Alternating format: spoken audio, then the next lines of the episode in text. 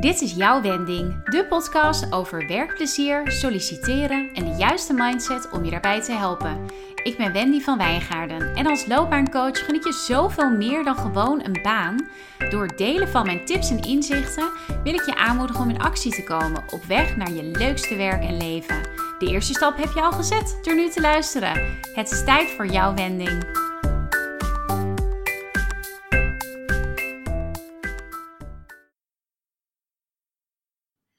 We zijn live. ja. Hey Iris, wat leuk dat je er bent, dat je mijn eerste gast bent in mijn podcast. Ja, hoe leuk is dit? Ik heb er echt zin in. Ah, mooi. Ja, ik ook. Ik zat, er, uh, uh, ja, ik zat er aan te denken van hoe lang kennen wij elkaar nu? En dat is uh, twee jaar geleden. Want ja ik was tot eind 2018 dat ik de eerste keer terugkwam uit Nieuw-Zeeland. En uh, uh, dat mijn werkgever waar ik toen zat jou had ingeschakeld als coach voor uh, verschillende teams en ook voor individuele coaching. zo hebben we elkaar leren kennen. Ja, inderdaad. Want daar wilde jij wel even wat onderzoeken, hè? Zo, ja.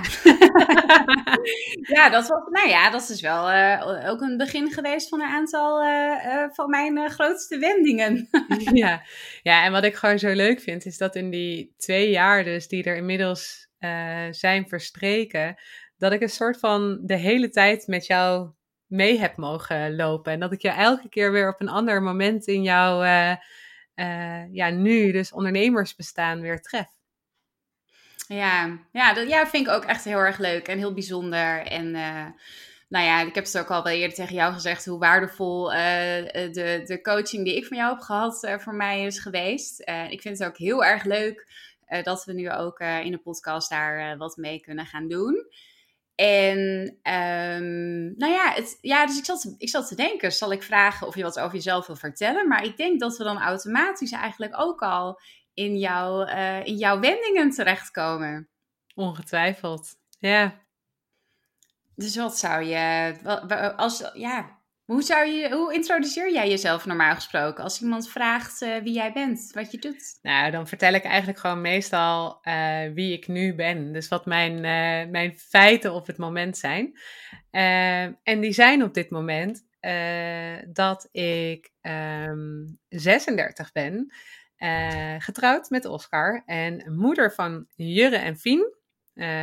Een bijna kleuter en een oudste kleuter. En daarnaast werk ik als coach, trainer en opleider. En ben ik ook ondernemer. En dat doe ik met heel erg veel passie en plezier. En um, ik denk dat een van mijn grootste drijfveren is om alle kennis die ik heb door te geven aan andere mensen. En uh, dat doe ik natuurlijk heel erg in mijn werk, maar ik kies daar ook heel erg mijn andere kanalen voor. Um, bloggen, podcasten. En ik werk dus ook heel erg graag mee aan projecten van anderen. Dus dat zijn denk ik de feiten op dit moment waarmee ik me nu zou voorstellen. Ja, ja, ja, dat is ook wel het, ja, het beeld wat ik nu heb van de dingen waar jij mee bezig bent. Um, maar je hebt een, eh, een hele weg uh, um, afgelegd om hier te komen natuurlijk. Dat kan je wel stellen, ja. Waarbij je mij net in het voorgesprek uh, ook nog hebt verrast met iets wat ik niet wist. nee, inderdaad. Nee, als het inderdaad gaat over wendingen in een, in een leven, dan als ik het zo dan allemaal opsom, dan vraag ik me soms ook al af of ik niet al het leven van drie personen heb geleid. Ja. Uh, maar ja, inderdaad, het is niet echt een um, heel logisch pad. Terwijl het uiteindelijk wel heel erg logisch voelt waar ik nu ben. Um, ja, dus het, ik denk dat het ook gewoon zo had moeten zijn. Ja, ja. Nou, en dat vind ik ook heel leuk om daar nu wat meer over te horen. Um, wat dat pad dan geweest is voor jou. En zeker ook uh, ja, als je daar dan op terugkijkt, um, uh, waarom je het gevoel hebt dat het zo heeft moeten zijn. Ja, want jij vertelde dus net al, ik, ik wist wel over jouw studie en dat je toen ja, ander werk bent gaan doen dan waar je um, ja, voor gestudeerd had. Maar eigenlijk begon het al eerder, vertelde je me. Ja, en met de heftige grote keuzes en, uh, en, uh, en plotse transities, dat begon inderdaad wel, wel wat eerder. En um, nou ja, jij had mij natuurlijk gevraagd om uh, mee te werken aan deze podcast. Dus toen ben ik al wel gaan nadenken over ja, de wendingen in mijn leven.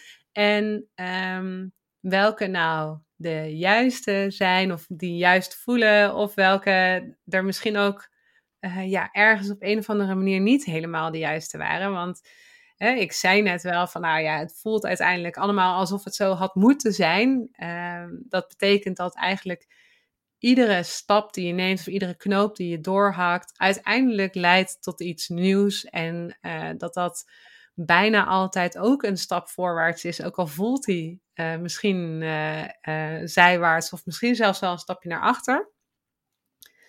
Maar ik had er wel over nagedacht van ja, wat zijn nou uiteindelijk uh, de grote keuzes in mijn leven geweest? En dat zijn eigenlijk altijd de keuzes geweest die ik echt vanuit mijn persoonlijke waarde heb kunnen maken en mijn persoonlijke, nou ja, missie kan ik eigenlijk wel uh, stellen. Maar dat kan ik wel pas nu zeggen. Dat is echt iets wat is gegroeid. Echt iets wat ik nog niet wist toen ik 18 was. Um, dus ik denk dat ook het gaandeweg dus steeds uh, helderder wordt. En zeker als je dus elke keer weer een heroverweging maakt van ja, wat, wat doe ik eigenlijk met mijn leven en welke invulling geef ik eraan. En uh, als ik daar dan zo uh, over terugdenk, dan denk ik dat het dus soms is geweest dat ik keuzes heb gemaakt die niet gebaseerd waren op mijn eigen waarden. Nou, dit is een hele lange introductie met, om een antwoord te geven op jouw vraag. Want um, de eerste grote keuze die je eigenlijk maakt na, ja, als jongvolwassene, is denk ik uh, de keuze om na je middelbare school een studie te gaan doen. Ja. En um, als ik, uh, en, en ik vond het dus nodig om die lange introductie te geven. En ik ga er dus nu nog wat meer over introduceren. Um, maar als ik het chronologisch vertel, dan begin ik eigenlijk dus met een keuze die niet in lijn is geweest met mijn waarden, maar dat wist ik toen niet. En uh, daarom vind ik dat zo interessant om dat ja. van tevoren al te vertellen. Want ik ben naar mijn middelbare school namelijk naar de militaire academie gegaan. En die begint meteen heel hard te lachen. ja, ik, ik kan me hier zo weinig bij voorstellen als ik jou zo zie. ja, ja, dat hebben er meer mensen. Maar toch uh, paste ik daar heel erg goed. En uh, de selecties zijn ook zo uitvoerig en zo streng. Dat als je er in principe niet uh, zomaar, uh, als je er niet tussen zou passen, dan kom je er denk ik ook niet helemaal uh, meteen tussen. Nee. Ik was ehm, in opleiding tot officier inlichtingen en veiligheid bij de luchtmacht. En inlichtingen en veiligheid, dat is dat je bij, uiteindelijk bij de AIVD gaat werken of bij een operationeel squadron alle intel doet. Dus dan, uh, met de kennis van nu, snap je dan misschien net weer wat meer dat, wat mijn drijfveer toen ook was. Want het heeft heel erg te maken ook met het stukje um, analyseren van ja. menselijk gedrag. En um, met het verwerken van veel kennis en uh, tot, uh, snel tot resultaten kunnen komen. Maar um, als ik het zo breng van oh nee, maar het past eigenlijk wel in het straatje, dan ben ik het ook al een beetje aan het sugarcoaten. Want in die end was het ook voor mij gewoon een keuze um, om uh, naar de militaire academie te gaan, omdat het gek genoeg, want je gaat voor een militaire opleiding, gek genoeg was het voor mij ook een ticket naar een soort van vrijheid om uh, uit te kunnen breken uit het, uh, uit het bestaan wat ik kende, omdat ik dacht dat dat was wat binnen mijn bereik lag. Uh, omdat ik toch wel van huis uit had meegekregen dat het studentenleven als zodanig niet helemaal voor mij, voor mensen uit de afkomst zoals ik die had, dat het niet helemaal voor mij weg was gelegd. Om dan een gewoon studentenleven te leiden met dat je ook op kamers gaat en ergens lid zou worden en noem maar op. Um. Nou, en dan maak je me wel heel nieuwsgierig hoe dat, uh, wat, waar dat dan vandaan komt. Het idee van dat dat dan, wat, wat, wat was er dan aan dat studentenleven wat dan niet bij jou zou passen? Ehm, nou, eigenlijk vooral eh, de financiële middelen die je daarvoor nodig Ah. hebt. En, ehm, en ook, eh, nou ja, ergens dus een soort van liefde, liefdevolle bescherming van je ouders. Van, Ja. eh, doe dat nou maar niet. Of het risico is dat je buiten de boot valt. Of noem maar op.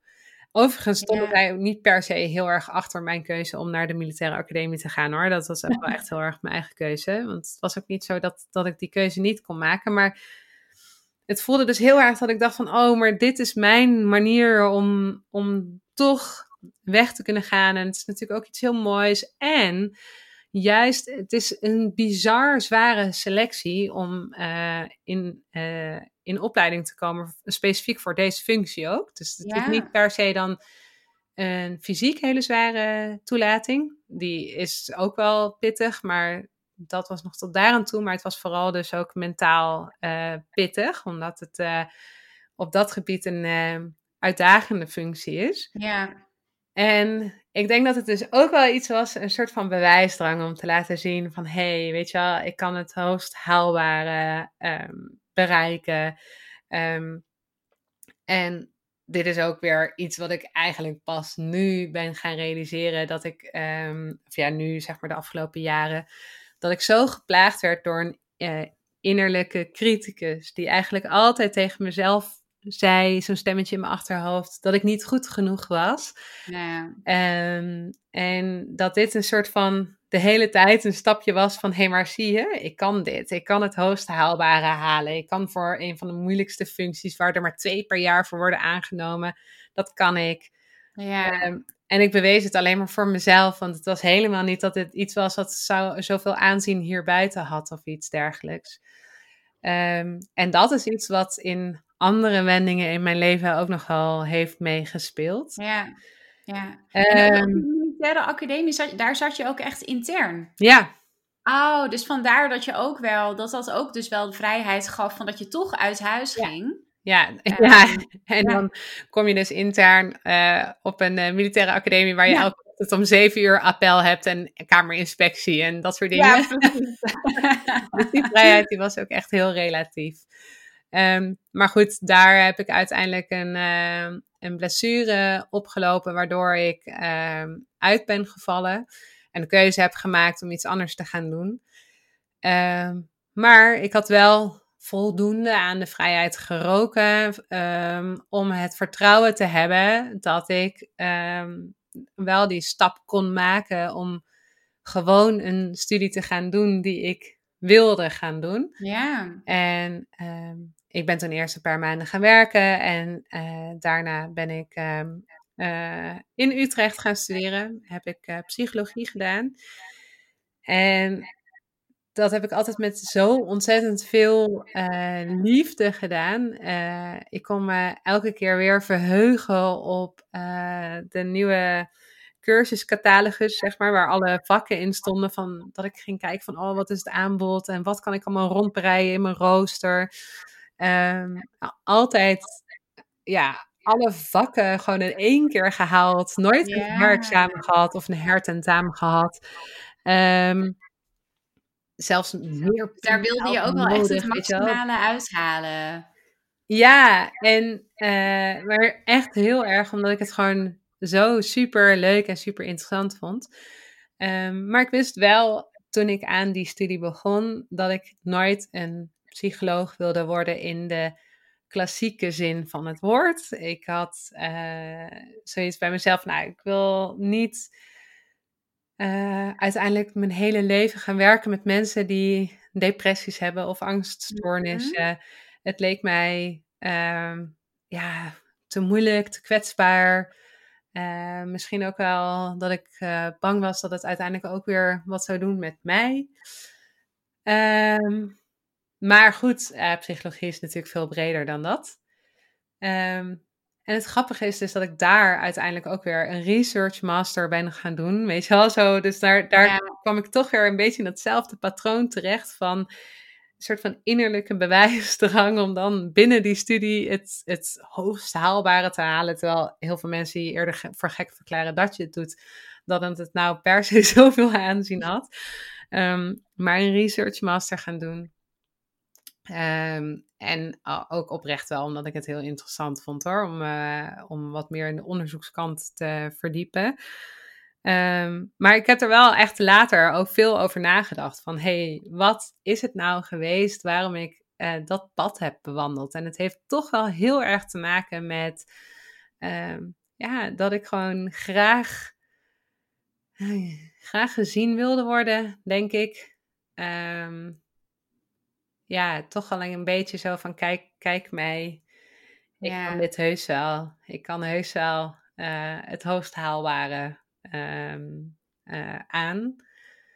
Uh, misschien ook wel uh, niet helemaal onlogisch dat ik daarna zelfs nog een promotieonderzoek ben gaan doen. maar ik denk dat ik daar dus um, voor de eerste keer echt ben gaan nadenken: hé, hey, maar wil ik dit eigenlijk wel? ja, ik kan me voorstellen dat je in een studie psychologie dat je ook wel uh, um, te maken krijgt met reflecteren en uh, dat, je, dat je ook naar jezelf gaat kijken. Misschien meer dan in andere universitaire studies. Nou, misschien wel, maar tegelijkertijd het is niet zoals in een uh, in coachopleidingen bijvoorbeeld, waarin je zelf heel vaak uh, het onderwerp bent van gesprek, om het zo maar te zeggen. Het is veel, het is heel academisch wat dat betreft. Ja. Je leest gewoon boeken en je maakt tentamens. um, maar ik denk dat het doen van zo'n promotieonderzoek gewoon uh, aan zich zo zwaar is. Um, en ik kwam ook nog in een behoorlijk politiek wespennest terecht. Ik had geen dagelijks begeleider, wat het ook heel moeilijk maakte. En uh, ik was inmiddels over de helft van mijn uh, onderzoek.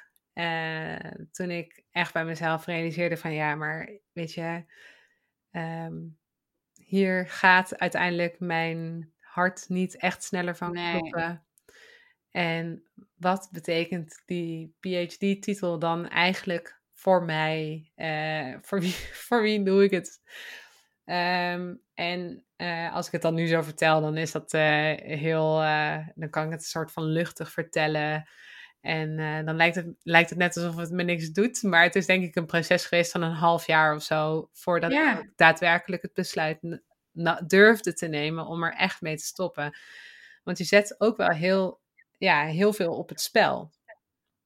Ja, dat kan ik me voorstellen. Ja. Was dat dan ook iets wat je besprak met, met mensen in je omgeving? Of heb je die keuze om te stoppen met je, met je promotieonderzoek? Is dat wel iets geweest wat je heel erg zelf hebt, ja, waar je zelf over hebt nagedacht en wat je uiteindelijk zelf hebt gedaan, gemaakt?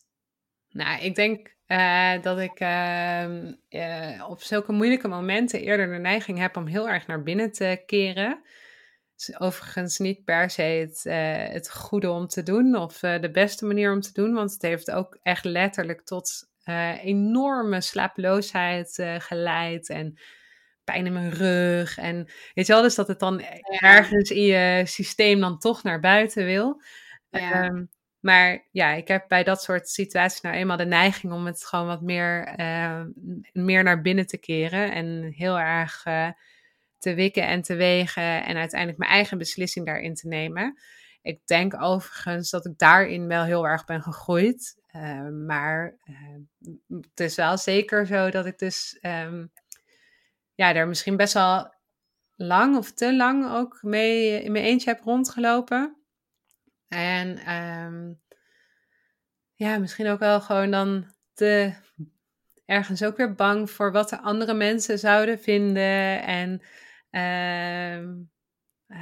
ja.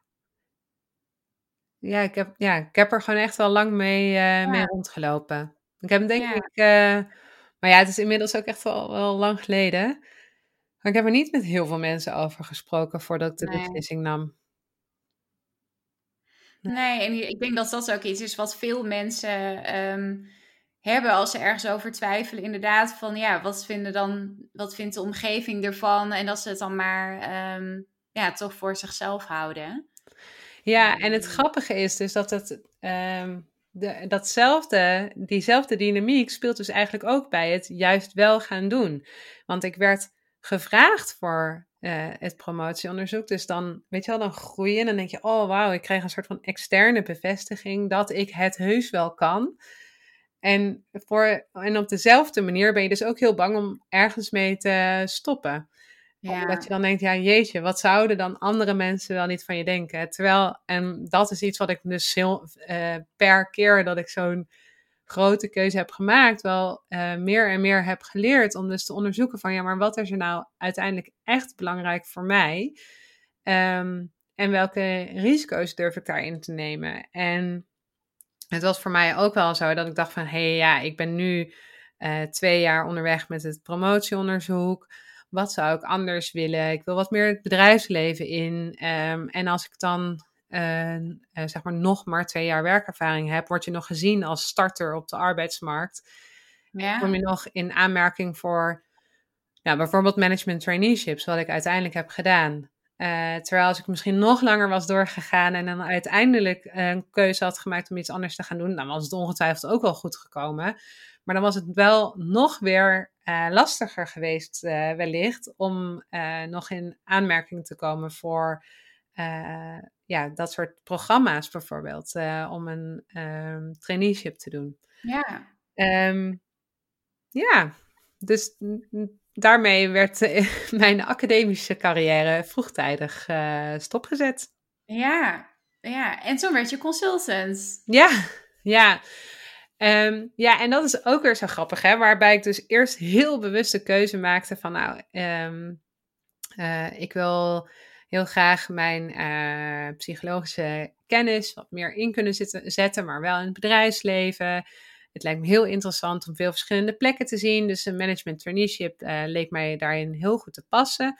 Nou, daar ben ik ook wel weer eigenwijs genoeg om te zorgen dat ik een soort van opval, uh, dat oh ook al heb ik geen bedrijfskunde of soortgelijke opleiding gedaan, dat ik ook met mijn uh, profiel in psychologie wel opviel. Dus nou, uh, dat was heel leuk om daarmee te beginnen. Um, dus dat was weer zo'n hele bewuste keuze. Eentje ook heel erg uh, wel doordacht en uh, uh, uiteindelijk ook echt op een passende plek terechtgekomen.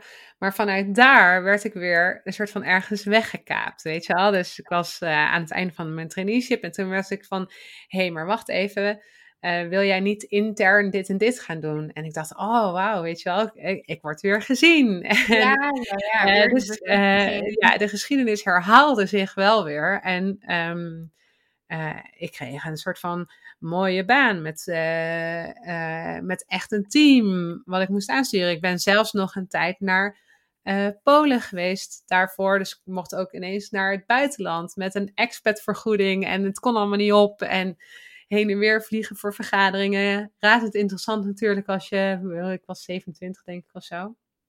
Ja.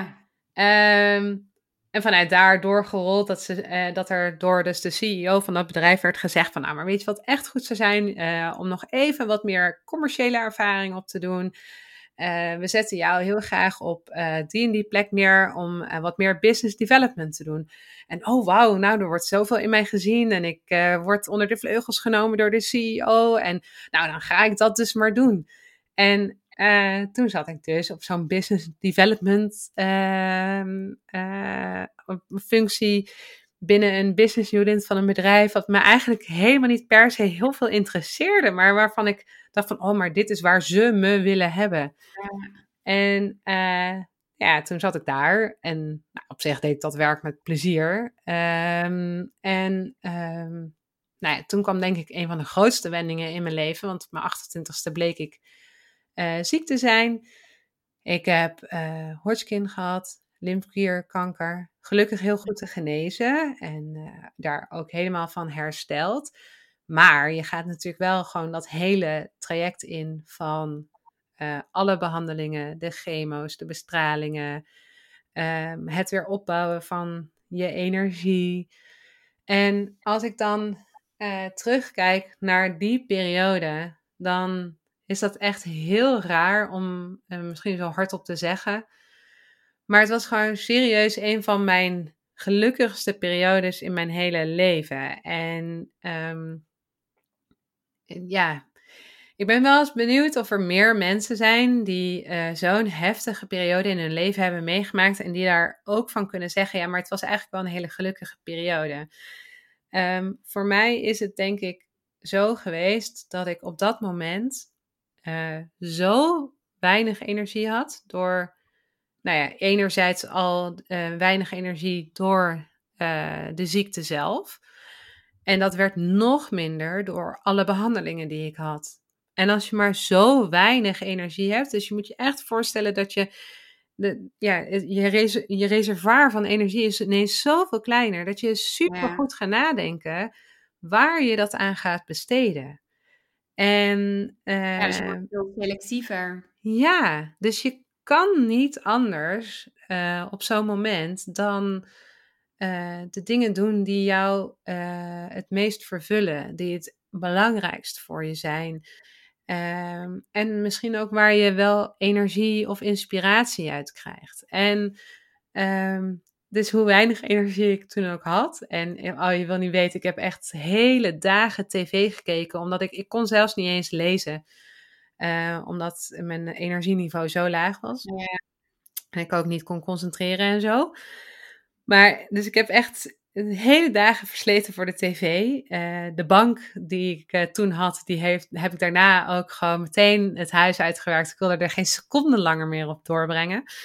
Um, maar ik kon dan echt letterlijk de hele dag mijn energie een soort van containen. Om te zorgen dat ik s'avonds dan wel uit eten kon gaan met, uh, met Oscar. Nu mijn man. Toen nog een verse liefde, want we kenden elkaar helemaal nog niet zo lang. Um, en dan haalde ik vaak alleen maar het hoofdgerecht. Geen voorgerecht, geen nagerecht. Alweer snel naar huis, maar wel even dat moment kunnen pakken. Um, en daarna, als je dan weer langzaam gaat opbouwen, ga je dus ook goed nadenken over, ja, wat wil ik eigenlijk, hoe wil ik mijn leven leiden? En ik denk dat dat mijn uh, allerbelangrijkste wending in mijn leven is geweest, omdat ik vanaf dat moment pas echt ben gaan nadenken: hé, hey, maar waarom doe ik de dingen die ik doe? En uh, wat heeft ertoe geleid dat ik bepaalde keuzes heb gemaakt in mijn leven? En um, ik denk dat vanaf dat moment ook het credo: um, If you don't like where, where you are, move, you're not a tree. Dat dat toen yeah. echt een soort van in mijn systeem is gaan zitten. Van nou, als, als er iets is wat niet oké is, zorg dan dat je in, in beweging komt. En uh, of als dat echt niet kan, uh, ga dan werken aan waar je wel invloed op hebt. maar zorg in ieder geval dat je uit bepaalde situaties komt. En um, nou ja, dat gezegd hebbende, kwam ik dus terug bij mijn uh, oude werkgever na die hele ziekteperiode. En dacht ik echt bij mezelf, ja, wat de fuck doe ik hier nog? Ja. Uh, en uh, dat is lekker lomp gezegd, maar dat was wel echt zo. Dat ik echt dacht van, hé, hey, maar ik heb deze keuze dus oprecht niet zelf gemaakt. Ik ben deze keuze gaan, eh, of ik heb deze keuze gemaakt omdat ik eigenlijk anderen probeerde te pleasen. Uh, en dan om, om te ja. hopen dat ik daardoor mezelf beter zou gaan voelen. Of beter zou gaan vinden misschien ook wel. Dus, ja, want het is heel, ik denk dat eh, zeg maar werkgevers die, uh, het is super mooi als ze zoveel potentie zien in een werknemer en iemand al die kansen geven. Uh, maar je ziet dus dat, dat dat er ook toe kan leiden dat je ja, door, door, de, um, door de complimenten die je krijgt en doordat iemand iets in jou ziet wat je misschien zelf niet eens per se ziet, dat je daar dan in meegaat. Um, en zeker met jonge mensen denk ik dat dat, uh, dat dat wel een risico is, omdat je dan zelf gewoon nog niet zo goed weet wat je wilt. En als een werkgever dan zegt van, oh, misschien is dit wel wat voor je, misschien is dit wel wat voor je, wat ze natuurlijk met de beste bedoelingen doen. Maar het kan er ook toe leiden dat je denkt: oh ja, nou, als jij denkt dat ik het kan, dan ga ik dat wel doen. Uh, ja, zeker. Ik, ik denk dat dit voor zo ontzettend veel mensen geldt. En ben benieuwd, ken je het uh, uh, boek over The Big Leap van ja. Guy Hendricks? Ja, ja, ja, van Gay Hendricks. Ja, en um, hè, waar het over gaat ehm, de, de twee zones waar het dan het meest over gaat, als het dan inderdaad gaat over wat werk, werkgevers in jou kunnen zien, is dat je heel erg in je zone of excellence zit. Dus het is iets wat jij echt heel goed kan. En waar andere mensen ook van vinden dat jij het heel goed kan. Dus waarbij eigenlijk iedereen baat heeft om jou daarin te houden. Terwijl jouw daadwerkelijke potentie eigenlijk nog ergens anders zit. En dat is, ja, ze noemen dat je zone of genius, waar jij echt tot je volle recht komt. Ehm, maar dat is spannend. En dat is zowel voor jou als persoon spannend, maar het is ook spannend voor een werkgever om iemand los te laten. Nou ja, het heet ook niet voor niets die big leap. En ik denk dus dat dat heel vaak gebeurt. Want ehm, ik geloof ook oprecht dat heel veel ehm, mensen, heel veel mentoren, om het zo maar uh, te zeggen, daadwerkelijk wel iets in mij zagen. En ik ben natuurlijk hartstikke dankbaar voor alle kansen die ik heb gehad. Maar ik denk wel dat het dus het investeren in de persoonlijke ontwikkeling van, nou ja, zowel vanuit de werkgever in hun medewerkers, maar ook vanuit uh, een persoon zelf in, hè, ja, nou ja, wie ben ik, uh, wat doe ik, waarom doe ik eigenlijk wat ik doe, uh, dat dat echt oprecht een van de grootste cadeaus is die je jezelf kunt geven. Ja, ja, ben ik absoluut met je eens. En is dat, ik heb zelf toevallig de laatste tijd, zat ik, of pas zat ik nog na te denken ook over um, vanuit de Big Leap over mijn baan destijds als secretaresse, waarvan ik nu denk van ja, volgens mij zat ik daar slechts in mijn zone of competence. Mhm. Ik kon het, maar ik kon het echt niet heel erg goed. En de energie kreeg ik er sowieso amper, uh, amper van. Nou, en als er die cruisers zag ik mezelf dan wel in mijn zone of excellence. En dat was ook wat ik terugkreeg van de mensen om me heen. Um, maar ja, ik heb daarvan denk ik wel een tijd gedacht dat het mijn zone of genius was. En daarvan denk ik nu zelf van ja, misschien is dat ook wel iets wat, ja, je ontwikkelt natuurlijk zelf dat ook je zone of genius iets is wat, wat opschuift met, met je eigen ontwikkeling, wat verandert. Is, hoe, hoe kijk jij daarnaar? Ja, ik denk, ik denk overigens eigenlijk dat altijd bij dit soort modellen het niet echt statisch is, omdat uh, je je altijd zult blijven ontwikkelen. En van die hele grote live events, um, dat die ook altijd uh, tot een verschuiving uh, zullen leiden. Alleen uh, misschien iets minder op een glijdende schaal, maar dan echt dat je ineens al een soort van sprong voorwaarts maakt. Um, en um, ik heb deze term geleerd van Niek van de Adel, een man die ik nog ken van mijn traineeship. Maar die net als ik op zijn 28ste een trauma heeft meegemaakt. In mijn geval was het dus die Hodgkin waar ik gewoon van ben hersteld. in zijn geval is het een hoge dwarslesie door een motorongeluk. En daar zit hij dus nog steeds mee, letterlijk. Wow, maar yeah. ik ken weinig mannen die gelukkiger zijn dan hij, volgens mij.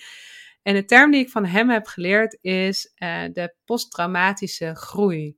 En um, dat het dus bijna niet anders kan dan wanneer je zo'n heftige situatie meemaakt, zo'n groot live event, uh, die alles even op zijn grondvesten laat schudden, uh, dat het haast niet anders kan dan dat je daarna groeit.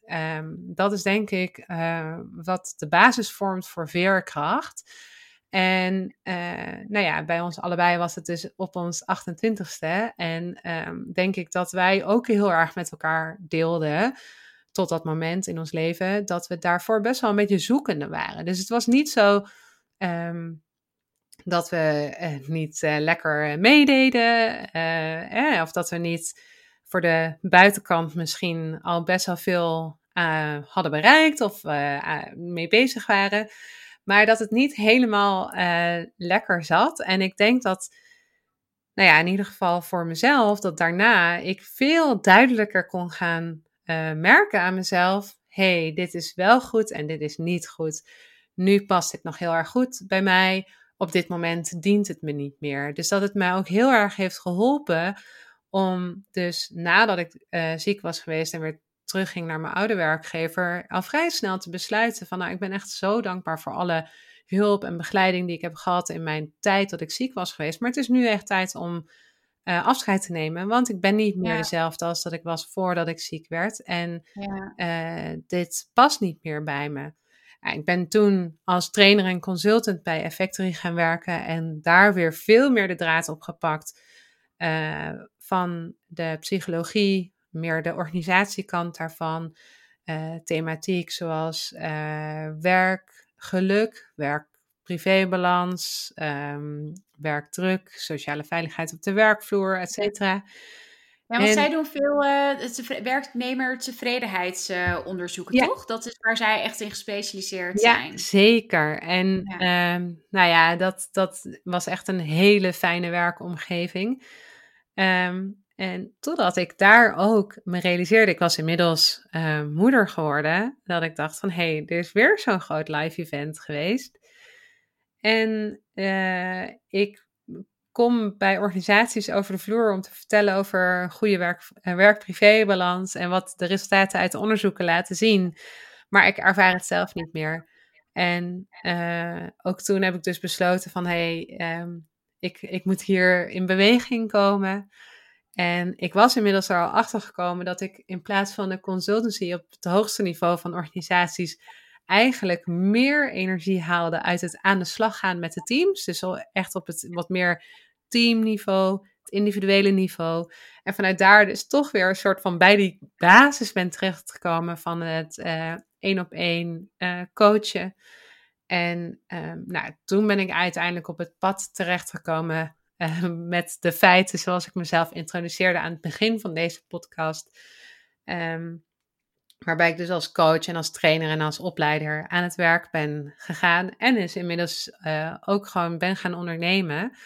Um, wat alles behalve een makkelijke weg is. Uh, maar wel eentje die mij heel erg helpt bij het uh, constant nastreven van mijn persoonlijke waarden.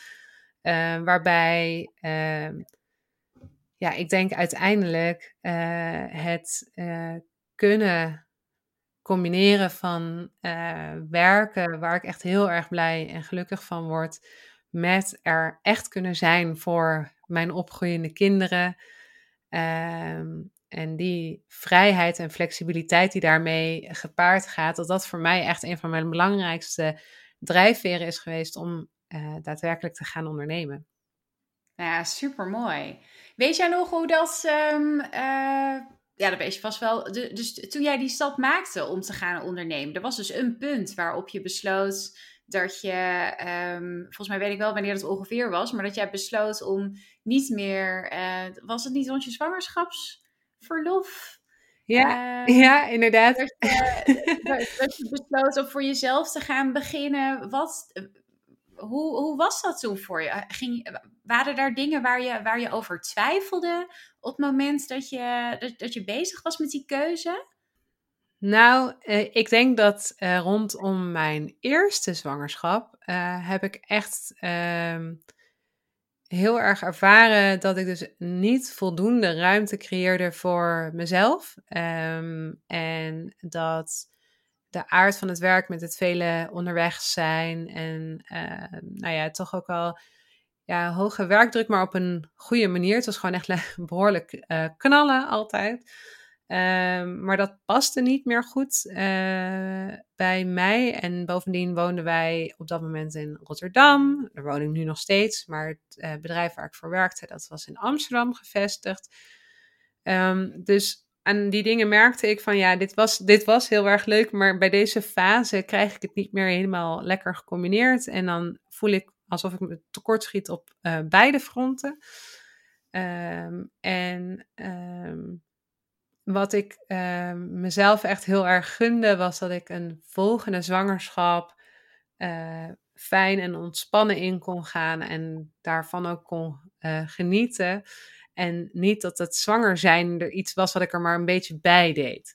ja. Want dan, ja, ik heb het gewoon als best wel zwaar ervaren. Die combinatie van een uh, consultant die soms wel 1200 kilometer in de week aan het rijden was. Met uh, gewoon uh, zwanger zijn en alles wat daarbij komt kijken. Um, en Nou ja, ik, ik had dus uiteindelijk uh, goede regeling getroffen met mijn uh, werkgever. Want ik merkte namelijk ook dat ik er mentaal echt onder begon te lijden. En om te voorkomen dat er iets zou gebeuren rondom um, burn-out of stress of dat soort dingen, hadden we met elkaar afgesproken van nou, het is helemaal oké, we gaan uit elkaar en ik kies daarin voor mezelf. En ik had besloten om uh, een coachopleiding te gaan volgen. En eigenlijk wilde ik mezelf een soort van sabbatical geven totdat uh, de kleine er was. En um, dat is denk ik iets wat ik heel erg heb meegenomen, ook uit de periode van het ziek zijn. Dat ik echt denk van, nou weet je, je kan prima er een hele tijd tussenuit gaan en daarna het gewoon weer oppakken. En we redden dit met uh, z'n tweeën. Um, uh, eerder uh, was Oscar ook al een keer geswitcht van baan. Zonder, hè, dus stoppen met het een voordat je zeker weet dat er iets anders komt. En dat was eigenlijk ook goed uitgepakt. Dus ja, je hebt zo'n vertrouwen gekregen. Juist omdat je weet, het kan echt zomaar ineens anders zijn. Het kan ineens afgelopen zijn.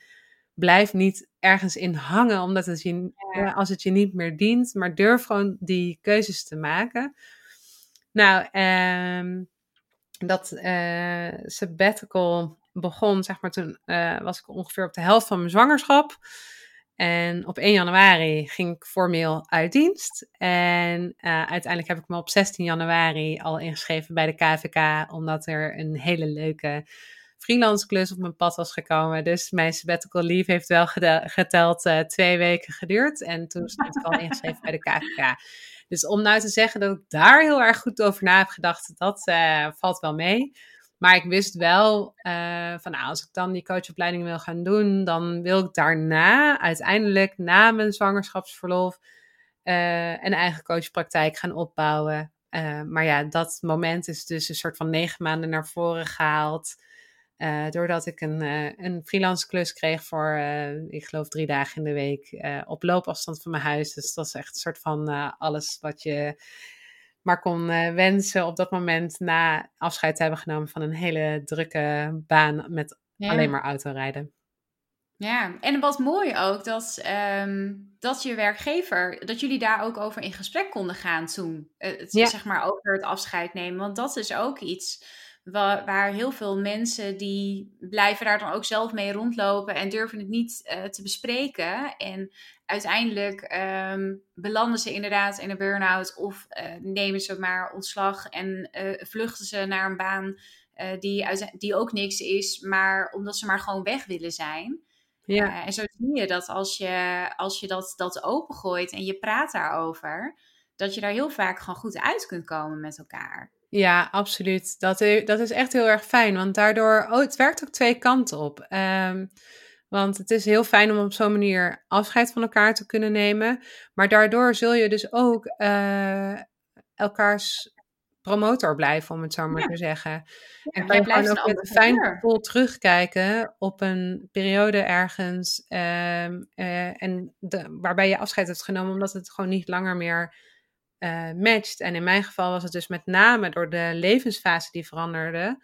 Maar ja, dat gebeurt natuurlijk bij zoveel mensen. Ja, mooi dat dat zo, uh, ja, dat dat zo kon. Ik, ik zou echt willen dat meer mensen het, ja, het gesprek aangaan met hun manager als ze, als ze merken van ja, het werkt eigenlijk niet echt meer. Want het ik heb het zelf ook ervaren en het is echt, ja, jij vertrekt als een ambassadeur. Uh, je, je sluit het daardoor allemaal eh, goed en gemotiveerd af. Uh, en een werkgever is uiteindelijk op de lange termijn ook beter af met iemand die beter op zijn of haar plek is in die functie. Ja, ja nee, dat is echt helemaal waar. Ja. ja. Ja, en ik denk dat het dus je uiteindelijk ook alleen maar helpt doordat je dan weer ja, meer iets kan gaan doen wat, ja, wat beter bij je past. Uh, of dat nou uh, is de fase waarin je zit, uh, of dat je gewoon net weer een, een stap zet in een richting die, die goed bij jou past. Nou, en in mijn geval is dat ja, vanaf dat moment eigenlijk alleen maar, nou, het is echt niet alleen maar een leuk verhaal of alleen maar een succesverhaal, maar de keuze om te gaan ondernemen En om te gaan coachen, dat is denk ik wel echt de beste geweest die ik had kunnen nemen. Het past gewoon oprecht heel erg goed bij mij.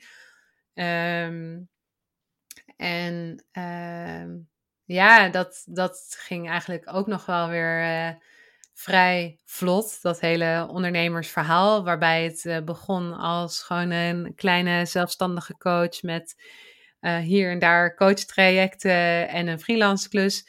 Werd het al vrij snel een hele serieuze onderneming met ook een locatie erbij in, ja. in, het centrum van, van Rotterdam. Een locatie die jij natuurlijk inmiddels best wel goed kent. Want as we speak ben ik jouw opleider, onder andere. Ehm, bij de coachopleiding die je zelf aan het volgen bent.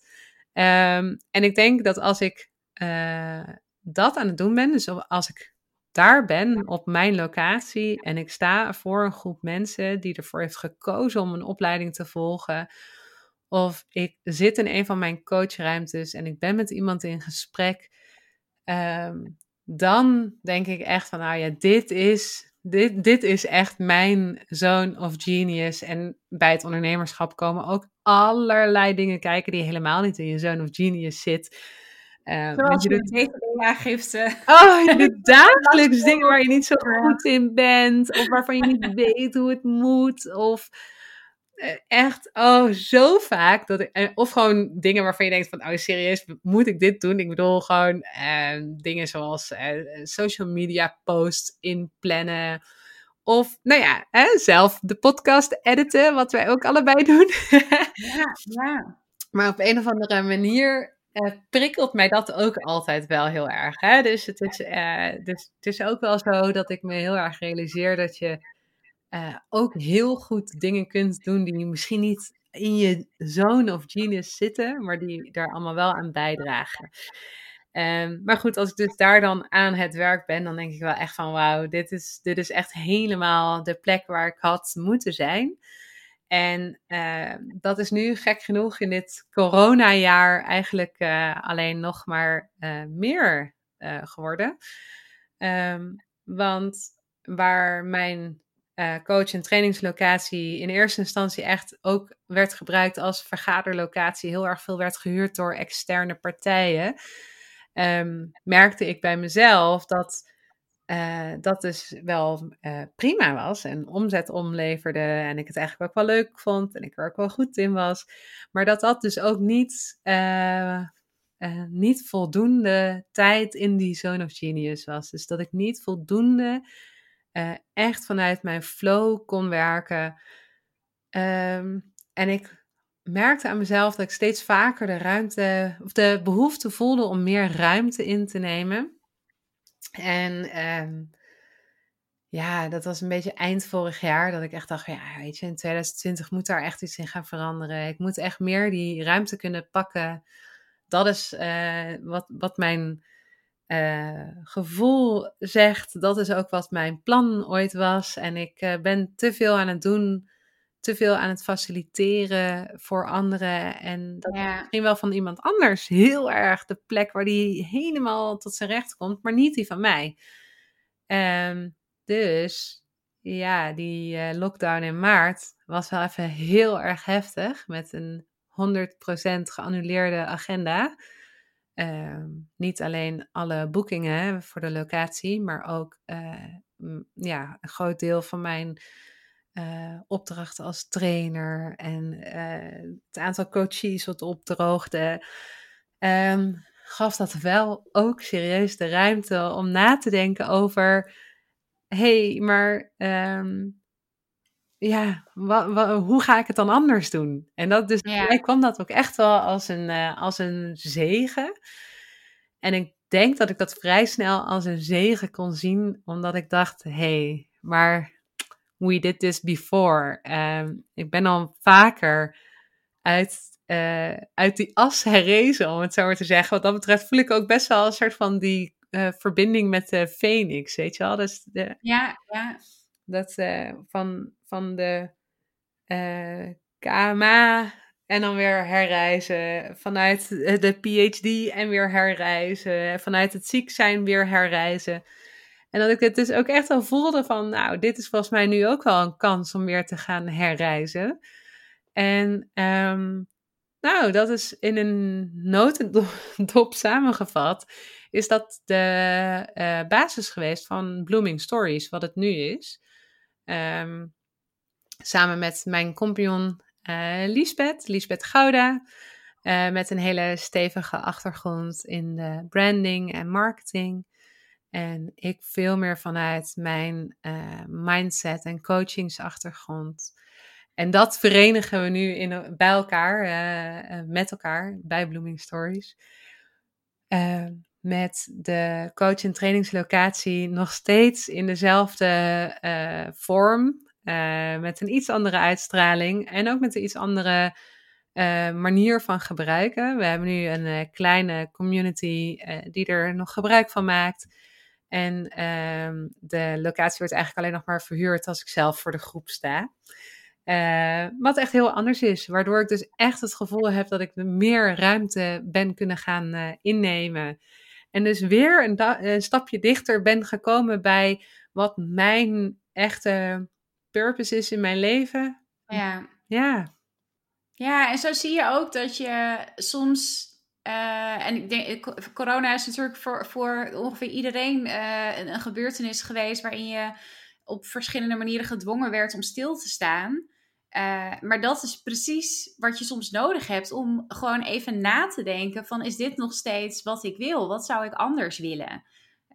Ondanks dat dat ook ja, stress met zich, met zich mee kan brengen, was het voor jou ook echt wel um, ja, een moment, doordat je het minder druk kreeg, dat je ook ruimte kreeg om te gaan bedenken van ja, wat, wat, wat zou ik nou anders willen doen? Ja, precies. En don't get me wrong, het was ook echt wel een stressvolle periode. Hè? Ja. Als we dit zo, hè, nu uh, we dit aan het opnemen zijn en we kijken zo terug en dan kan je daar allemaal, kan ik daar dus eigenlijk alweer heel positief op terugkijken. Ja. Maar op dat moment is het wel echt dat je denkt, oh, moet ik, uh, kan ik naar de KVK om me uit te schrijven of zo? Kan ik hier onder een dekentje gaan liggen en kan gewoon iedereen ophouden?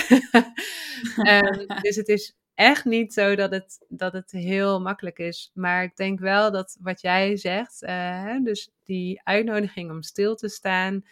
En dit was zo groot, zo massaal en ook zo lang, dat het heel fijn is om dan echt even stil te staan. En ik denk dat dat iets is wat ik probeer op dagelijkse basis op te zoeken. En er zijn periodes in mijn leven dat ik heel serieus ook op meditatiekussens uh, zit. En dat ik probeer er een uh, dagelijkse practice van te maken. Um, maar het kan ook al uh, zijn in even in stilte in de auto zitten. Of um, nou ja, gewoon als iemand je iets vraagt om heel even te zeggen: joh, ik kom er zo op terug. Ik wil er heel even over nadenken. Hè? Dus dat je jezelf iets meer die, die pauze gunt om vervolgens een beslissing te nemen of om te kunnen bijsturen. Dus dat je niet meteen in de, uh, in de reflex gaat reageren, maar dat je jezelf even een pauze gunt voordat je actie ja. onderneemt. En ik denk dat even dat... incheckt uh, bij jezelf. Wat zei je? Even incheckt bij jezelf. Ja, ja, ja. En, en als je dus want ik denk dat dat een beetje de rode draad is van waar we het nu al bijna een uur over hebben. Dat het zo fijn is als je weet wat jouw waarden zijn. Wat jouw, ik noemde net ook al, uh, wat jouw purpose is. Wat ja. jouw missie is in het leven. Je hebt ook die mooie Japanse term van de ikigai. Ja. En dat vind ik ook echt als je, je hoeft alleen maar op dat woord te zoeken en dan zie je in Google al uh, duizend varianten van het, uh, van het model voorbij komen. Ah. Um, wat je ook zo kan helpen met, hey, wat, wat is nou belangrijk voor mij? Wat heeft de wereld nodig? Maar ook letterlijk, waar kun je je geld mee verdienen? Want sommige dingen die heel belangrijk voor jou zijn en waar je heel veel plezier uit haalt, uh, zijn misschien uiteindelijk wel dingen waar je niet per se je geld mee kan verdienen, maar wat wel een hele fijne hobby is. Maar ik heb wel het gevoel dat door daar steeds mee bezig te zijn, door steeds dus even te, te, te checken bij jezelf, hey, klopt dit nog met waar ik naartoe onderweg ben? Ja, wat belangrijk is voor mij. Ehm, klopt het nog? En zo niet, wat kan ik doen om bij te sturen? En dat hoeft niet zo groot te zijn als mijn wendingen. uh, maar het kan ook heel klein zijn. Ik bedoel, ik uh, stop ook regelmatig met kleine dingetjes die misschien niet eens per se uh, iemand, iemand opvalt. Um, zo ben, nou ja, jij bent natuurlijk juist heel erg van loopbaancoaching. En mm-hmm. mensen richting geven in hun werkende leven. En voor mij is dat iets waar ik juist zelf meer mee ben gestopt. Ja. Uh, maar dat is niet iets wat zo groot hoeft aangekondigd te worden. Of wat ook weer voelt als zo'n phoenix uit de as moment. Maar wel iets waarvan ik denk, hé, hey, maar wacht even. Uh, ja, ik zie wel de link met waar ik in het algemeen mee bezig ben. Maar ik denk wel echt oprecht dat er anderen zijn die hier beter in zijn. Oh, dus dan ga ik dat zelf niet meer aanbieden. Dus dat is wel echt heel interessant om dat gewoon de hele tijd uh, te blijven ja, checken, bijsturen. Ja. ja. Ja, want, want ook weer door te stoppen met bepaalde dingen krijg je weer ruimte voor, uh, voor andere dingen natuurlijk. Ja, ja. ja en het hoeft ook niet eens altijd. Ik ben nu even als ondernemer aan het praten, uh, waarbij je dus heel erg gaat kijken van hé, hey, moet ik ergens mee stoppen omdat het misschien niet voldoende geld oplevert. En dat hoeft dus niet altijd. Hè. Je kan ook gewoon keuzes maken omdat het jou als persoon niet meer voedt. En omdat om je aandacht ergens anders op te verleggen, dat dat uiteindelijk jou meer doet groeien. Ja. Um, en als je ergens in, uh, in dienst bent, kan het ook gewoon heel erg waardevol zijn om te kijken van, hey, zijn er bepaalde dingen die je kan oppakken die zorgen dat ik weer net wat dichter bij mijn uh, purpose kom, bij mijn missie in het leven uh, of bij mijn doel daar ergens aan die horizon. En dan kan het ook een project zijn wat misschien niet per se een logische stap zou zijn, uh, of die heel direct iets extra's gaat opleveren, maar die je ook gewoon vervult als mens, want daar groei je uiteindelijk ook van. Ja, ja, ik las toevallig, ik, was een boek aan het lezen, Pivot heet het. En dat gaat over um, een, een, pivot maken in je carrière. Dus een, ja, echt carrière switches. En daarin staat ook een voorbeeld van uh, een man die bij Google werkt. en hij, maar ja, ik weet niet eens meer wat voor functie die had, maar hij had gewoon een functie binnen Google. En die is toen als passieproject binnen Google is hij met een heel klein clubje zijn ze een um, nou ja, project begonnen waarin mensen één week in het jaar vrijwilligerswerk mochten doen, wat dan werd doorbetaald door Google.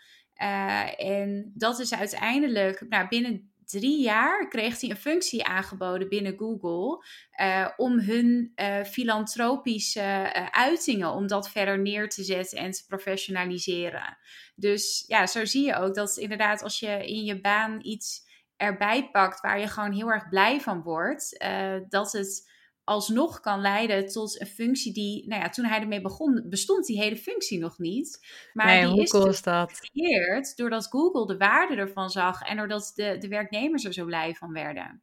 Ja, en wat hieraan ook zo mooi is, is dat deze persoon ook nooit had bedacht dat hij vorm wilde geven aan filantropisch werk van Google. Weet je, dus um, dat is namelijk ook heel vaak een vraag, uh, en die krijg jij waarschijnlijk ook vaak genoeg voorgeschoteld, van, hé, maar ik weet niet waar ik heen wil. Maar dat, dat weet je eigenlijk heel vaak niet. Er zijn echt maar heel weinig mensen die al van kleins af aan weten, ik wil puntje, puntje, puntje worden. Dat, Brandweerman. Ja. ja, dat zijn er maar zo weinig die dat echt voor ogen hebben. Maar om de hele tijd zeg maar de juiste afslag te nemen die op dat moment bij jou past en die dus in lijn is met jouw waarden en waarvan je ook accepteert dat die kunnen veranderen in levensfase of op basis van uh, je ontwikkeling of op basis van dat soort hele grote events, dan blijf je uiteindelijk een leven leiden wat heel erg goed bij jou past. Ja. En ik denk dat dat uiteindelijk het, uh, het mooie is, want um, ook toen ik psychologie ging studeren, had ik denk ik niet bedacht, oh nou uiteindelijk, nee ik had het niet bedacht, want misschien was ik het dan wel meteen gaan doen of geprobeerd gaan doen. Maar ik had toen niet bedacht dat ik uiteindelijk zou gaan coachen. En dat ik uiteindelijk een eigen bedrijf zou hebben. En dat ik er uh, vanaf uh, eh, 2020 een compagnon bij zou hebben. Nee, dat had ik allemaal niet bedacht. Maar als ik nu kijk waar ik nu sta, dan denk ik wel: hé, hey, maar dit klopt echt precies voor nu. En het heeft in mijn loopbaan, zeg maar, dus zeg maar de afgelopen 18 jaar in mijn leven, heeft het een aantal keer niet geklopt. En dat was omdat ik dan een keuze had gemaakt op basis van iemand anders waarde of iemand anders advies en niet die van mezelf. En op de andere punten in mijn leven, waarbij ik dus wel op een goede plek zat, ook al heb ik er uiteindelijk weer afscheid van genomen, dan zat ik op plekken waar ik was terechtgekomen omdat ik het wel op basis van mijn eigen waarden had gedaan en mijn eigen doelen in mijn leven. Dus ik denk dat dat, ehm, ik denk dat dat het verschil is. En ik las een tijdje geleden ook het boek van uh, Matthew McConaughey. Uh, Green Lights heet het. En het gaat dus over zijn, de, ja, de groene lichten in je leven. En hmm. ik denk dat dat dus uh, heel mooi illustreert wat ik net ook uh, probeer te vertellen. Dus dat je een paar keer in je leven, in mijn geval heb ik een paar keer in mijn leven, een oranje of misschien wel rood licht genegeerd. en ben ik gewoon doorgegaan. En ben ik nu veel beter geworden in het volgen van mijn greenlight. Ja, ja. Jeetje, nou, dus als mensen naar deze podcast luisteren, hebben ze al heel veel boekentips. Ja, dat zat ik net aan te denken inderdaad. dat we al drie boeken of zo hebben genoemd. ja, ja. ja, dat krijg je met twee boekenwurmen die dan eh, met elkaar gaan praten. ja, ja, nou, er staat uh, inmiddels een, uh, een blog van mij uh, online. Met de boeken van het jaar 2020. En ik was dus die lijst aan het maken. En ik realiseerde dat het er gewoon 52 waren. Dus dat ja, is inderdaad wel serieus uh, veel. Ja, dat, dat red ik niet hoor. um, ik zit even te kijken, want we zitten inderdaad al, al op, het, op het uur. Um, het is natuurlijk wel leuk als je ook nog even wat vertelt over Blooming Stories. Want ik heb zelf als, nou ja, als, als klant mogen ervaren hoe die samenwerking is tussen jou en Lisbeth. Uh, en dat het zo tof is. nou ja, voor mij als, als beginnend ondernemer, die combinatie van jij, de coach, op uh, de, de, de beperkende overtuigingen en de stemmetjes die je ergens uh, hoort in je achterhoofd, die je misschien tegenhouden of waardoor je bepaalde keuzes maakt. En dan aan de andere kant Lisbeth erbij, die heel erg de focus heeft op de branding en de strategie. Um, waar, uh, waar zijn jullie nu zo al mee bezig? Nou, eigenlijk vat je het al heel erg goed samen. Um, en het is inderdaad zo dat hè, je kan mensen heel veel uh, handreikingen doen. Uh, zeker op het gebied van ondernemerschap. Uh, het is gewoon heel veel doen, stappen volgen, plannen maken, uitvoeren. Um, en en dat, dat werkt. En om dat nog beter te laten werken, heeft Lisbeth al zo'n drie jaar geleden de Flamingo Way ontwikkeld. Uh, een methodiek waarmee je op een hele uh, mooie en dus hapklare brokken uh, kan werken aan het neerzetten van jouw eigen merk. Want ook al ben jij een ZZP'er en begin je net, dan nog steeds zou je jezelf echt moeten zien als een eigen merk. En zeker als je dus een ZZP'er bent en jij ook nog eens een purpose-driven ondernemer bent, uh, doe je dat heel erg vanuit jezelf. Dus zul je ook echt moeten gaan onderzoeken naar waarom doe ik wat ik doe. En um, Lisbeth had die uh, methodiek ontwikkeld en uh, heel succesvol ingezet. Niet alleen bij die ZZP'ers, maar ook binnen het MKB en ook grootzakelijk. Um, maar waar ze wel tegenaan liep, was dat er ook zoveel inderdaad rondom dat stuk mindset gebeurt. Of waar mensen dus juist op vastlopen. En uh, we zijn dus die methodiek heel erg gaan verrijken. Door er ook uh, ontzettend veel mindset in te verwerken. En nou ja, jij hebt inderdaad meegedaan aan onze pilot-edities daarvan. dat deden we in kleine groepjes, nou ja, on-live. dat, dat vond ik een mooie nieuwe term die ik ergens uh, voorbij hoorde komen. Dus dat is wel online, maar wel live met een groep uh, ondernemers. Maar we hebben dat inmiddels omgezet in een, uh, in een online programma. Wat mensen dus helemaal in hun eigen tijd kunnen doorlopen. iets wat we ook heel erg hebben meegekregen uit de feedback van deelnemers. Um, hè, want het is dan wel een zeven stappen methodiek waar je doorheen loopt. Waarbij je begint bij je why en eindigt bij super concreet. Hey, en hoe ga ik het nou de wereld inbrengen? Met een hele prijsstrategie daarachter en een aanbod en precies weet waar je in de markt staat, et cetera. Ehm, maar niet voor iedereen is elke stap even uitgebreid nodig of uh, doorloop je op hetzelfde tempo. Dus we hebben er een online programma van gemaakt. Um, en dat is slechts één van de dingen waar we mee bezig zijn. Uh, want we uh, doen ook nog steeds gewoon adviestrajecten bij grote organisaties. Ehm, ik coach ook nog steeds mensen uh, één op één. Um, we zijn nu aan het kijken of we ook kunnen gaan uitbreiden in het aantal coaches, uh, want mijn tijd wordt steeds beperkter. Um, en, en dit is wel ook echt heel leuk, uh, we starten dit voorjaar met onze eerste opleiding in onze eigen Flamingo Way. Dus dat mensen die uh, bijvoorbeeld in de branding of marketing hoek zitten, of coaches die denken: hey, ik wil niet alleen op het mindset stukje werken, maar ik wil mensen ook meegeven hoe ze uh, hun eigen bedrijf kunnen gaan opzetten. Dat wij onze methodiek door gaan geven aan anderen, zodat zij hem weer kunnen gaan ah. inzetten. Oh, ja. cool. En dat is een primeurtje. Oh, ik wou zeggen, hebben we nu een primeur? Ja, je hebt een primeur te pakken. Wat leuk. Oh, dus er komen ook weer hele mooie dingen aan in 2021. Eh, Absoluut. Ja, ja. Oh, cool. Nou ja, en ik ga zo meteen uh, uh, blijf even luisteren tot het eind van deze podcast, als je er nu nog bij bent. Want um, uh, ik ga ook nog wat, wat delen over het online programma van Iris en Lisbeth. Uh, en het heeft te maken met korting. Dus uh, ja, daar uh, dat, moet maar even afwachten. ja, precies. Ja, we moeten nog even kijken. Dit was een beetje spontaan bedacht hè, in ons voorgesprek. Ja. Dat, ik, dat, we ineens dachten, oh, maar hoe leuk zou het zijn als we mensen kunnen laten deelnemen aan de Flamingo Way online. met een leuke korting. om een soort van te vieren dat ik jouw eerste gast ben. En omdat wij ook zoveel andere mensen gunnen ja, dat ze misschien ook wel wat van dit soort mooie wendingen kunnen laten maken. Ja. Um, maar we hebben het nog niet precies uh, uitgedacht. En ik heb al helemaal nog niet een uh, leuke landingspagina ervoor gemaakt. Dus die komt allemaal nog. Maar dan zorgen we dat, dat het uh, wordt verwerkt in de outro, toch? Ja, ik wou zeggen, tegen de tijd dat dit online staat, dan hebben we dat gewoon geregeld. Want we wachten gewoon met online zetten tot het geregeld is. nou, mooie aanpak lijkt me.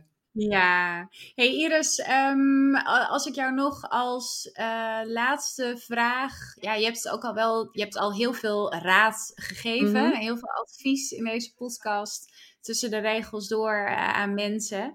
Maar um, als je nu nog één advies zou uh, moeten geven aan iemand die nu luistert en die twijfelt over zijn of haar wending, of dat nu is in uh, in, in uh, een baan om wat anders te gaan doen, of misschien ook om te gaan ondernemen, of misschien wel heel iets anders. Uh, misschien wil diegene ook drie maanden in haar eentje naar Nieuw-Zeeland. maar wat. wat heb je daar nog een advies voor of een tip? Nou, ik denk dat hij dan wel weer mooi terugkomt bij wat ik zelf dus niet deed ten tijde van bijvoorbeeld het stoppen met uh, mijn promotieonderzoek. Um, en dat is denk ik toch wel om uh, enerzijds het bespreekbaar te maken met mensen om je heen. Maar ben dan wel heel erg waakzaam voor het feit dat als jij in je zone of excellence zit, mensen je daar altijd zullen proberen te houden. Um, dus dat gesprek aangaan, en dit is dan daadwerkelijk de tip, is um, om te kijken of er iemand is die zeg maar uh, verder is dan jij. En dat kan dus in levensfase zijn uh, of in positie in een organisatie. Uh, maar om, om het met zo iemand te gaan bespreken. Dus eigenlijk op zoek te gaan naar iemand die je echt kan zien als mentor. En uh, dus hoe lief je ouders of je partner of je beste vriendin ook is, dat zijn niet per se de beste mensen om dit soort dingen mee te bespreken. Ja, hele mooie. Dat, uh, ja, dus, dus, dus goed, goed kiezen um, wie je om advies vraagt daarover. Ja, dat zou ik denk ik doen. En als je ja. Uh, dan uiteindelijk iemand hebt gevonden, dan kan het ook echt wel een mentor voor je leven zijn. Dat vind ik er zo mooi aan. Dat, ja, ik, ik ben echt heel erg blij met de mensen die ik als mentor zie. Wat tof. En um, uh, waar kunnen mensen jou nu nog, nog vinden online? Als ze denken van ik wil meer horen of lezen van Iris. Um, nou, als je, je meer wil lezen, dan zou je het beste naar bloomingstories.nl kunnen gaan. Um, dat is onze website waar de blogs op staan. Waar je ook alle linkjes kan vinden naar alle andere dingen die we maken en publiceren. Um, en op Instagram uh, delen we ook veel leuke dingen. En dat is Blooming Stories. Um, met een underscore tussen blooming en stories. En vanuit daar vind je mij ook. En um, vergeet ook de, vooral de podcast niet. Niet alleen deze, ja. maar ook onze eigen, de Blooming Stories podcast. Ja, ja, dus eigenlijk als mensen ergens zoeken op Blooming Stories, dan uh, vinden ze er wel. Ja. Uh, is er iets wat je nog kwijt zou willen? Um, nou, vooral eventjes een soort van reflectiemomentje dat ik denk, jeetje, weer, weet je wel, van oh, jeetje, wat, wat zijn er toch een hoop wendingen geweest. Het, het lijkt zo'n onstuimig leven. Um, maar uiteindelijk maakt dat wel dat ik nu sta waar ik sta. En daar ben ik echt heel blij mee. Dus ik vond het eigenlijk wel heel mooi om daar zo uitgebreid met jou op te mogen terugblikken. Dankjewel voor. Ja, nou ja, jij bedankt voor je openheid en uh, voor, voor alle ja, tips en adviezen die je bewust en onbewust de hele tijd ja, gedeeld hebt. Ik denk dat dat heel waardevol is voor mensen om naar te luisteren. Mooi, dankjewel. Ja, daar ben ik nog even. Want, eh, zoals ik al zei net, uh, of besprak met Iris, uh, is dat wij wat leuks hebben bedacht. Een leuke samenwerking. En dat gaat over het online programma van Iris en Liesbeth. Dus wat zij vanuit Blooming Stories hebben ontwikkeld. En dat is de Flamingo Way Online. En ik heb dat programma zelf ook gevolgd vorig jaar. Het is gericht op ondernemers. En ik weet niet zeker of de doelgroep echt uh, startende ondernemers is, maar het heeft mij destijds in ieder geval heel erg geholpen, omdat je stap voor stap echt naar de basis gaat uh, van je bedrijf. En dat begint ook echt met waarom doe ik wat ik doe? Dus uh, je why, maar het is ook heel erg strategisch. Uh, je gaat ook kijken naar uh, wie is mijn ideale klant. Dat ga je verder uitwerken. wat voor verdienmodellen wil ik gaan gebruiken. wat voor tarieven ga ik hanteren. nou ja, dat soort dingen allemaal. ook echt doelen stellen voor jezelf. En voor mij is het echt zo waardevol geweest dat ik dat afgelopen jaar heb gevolgd.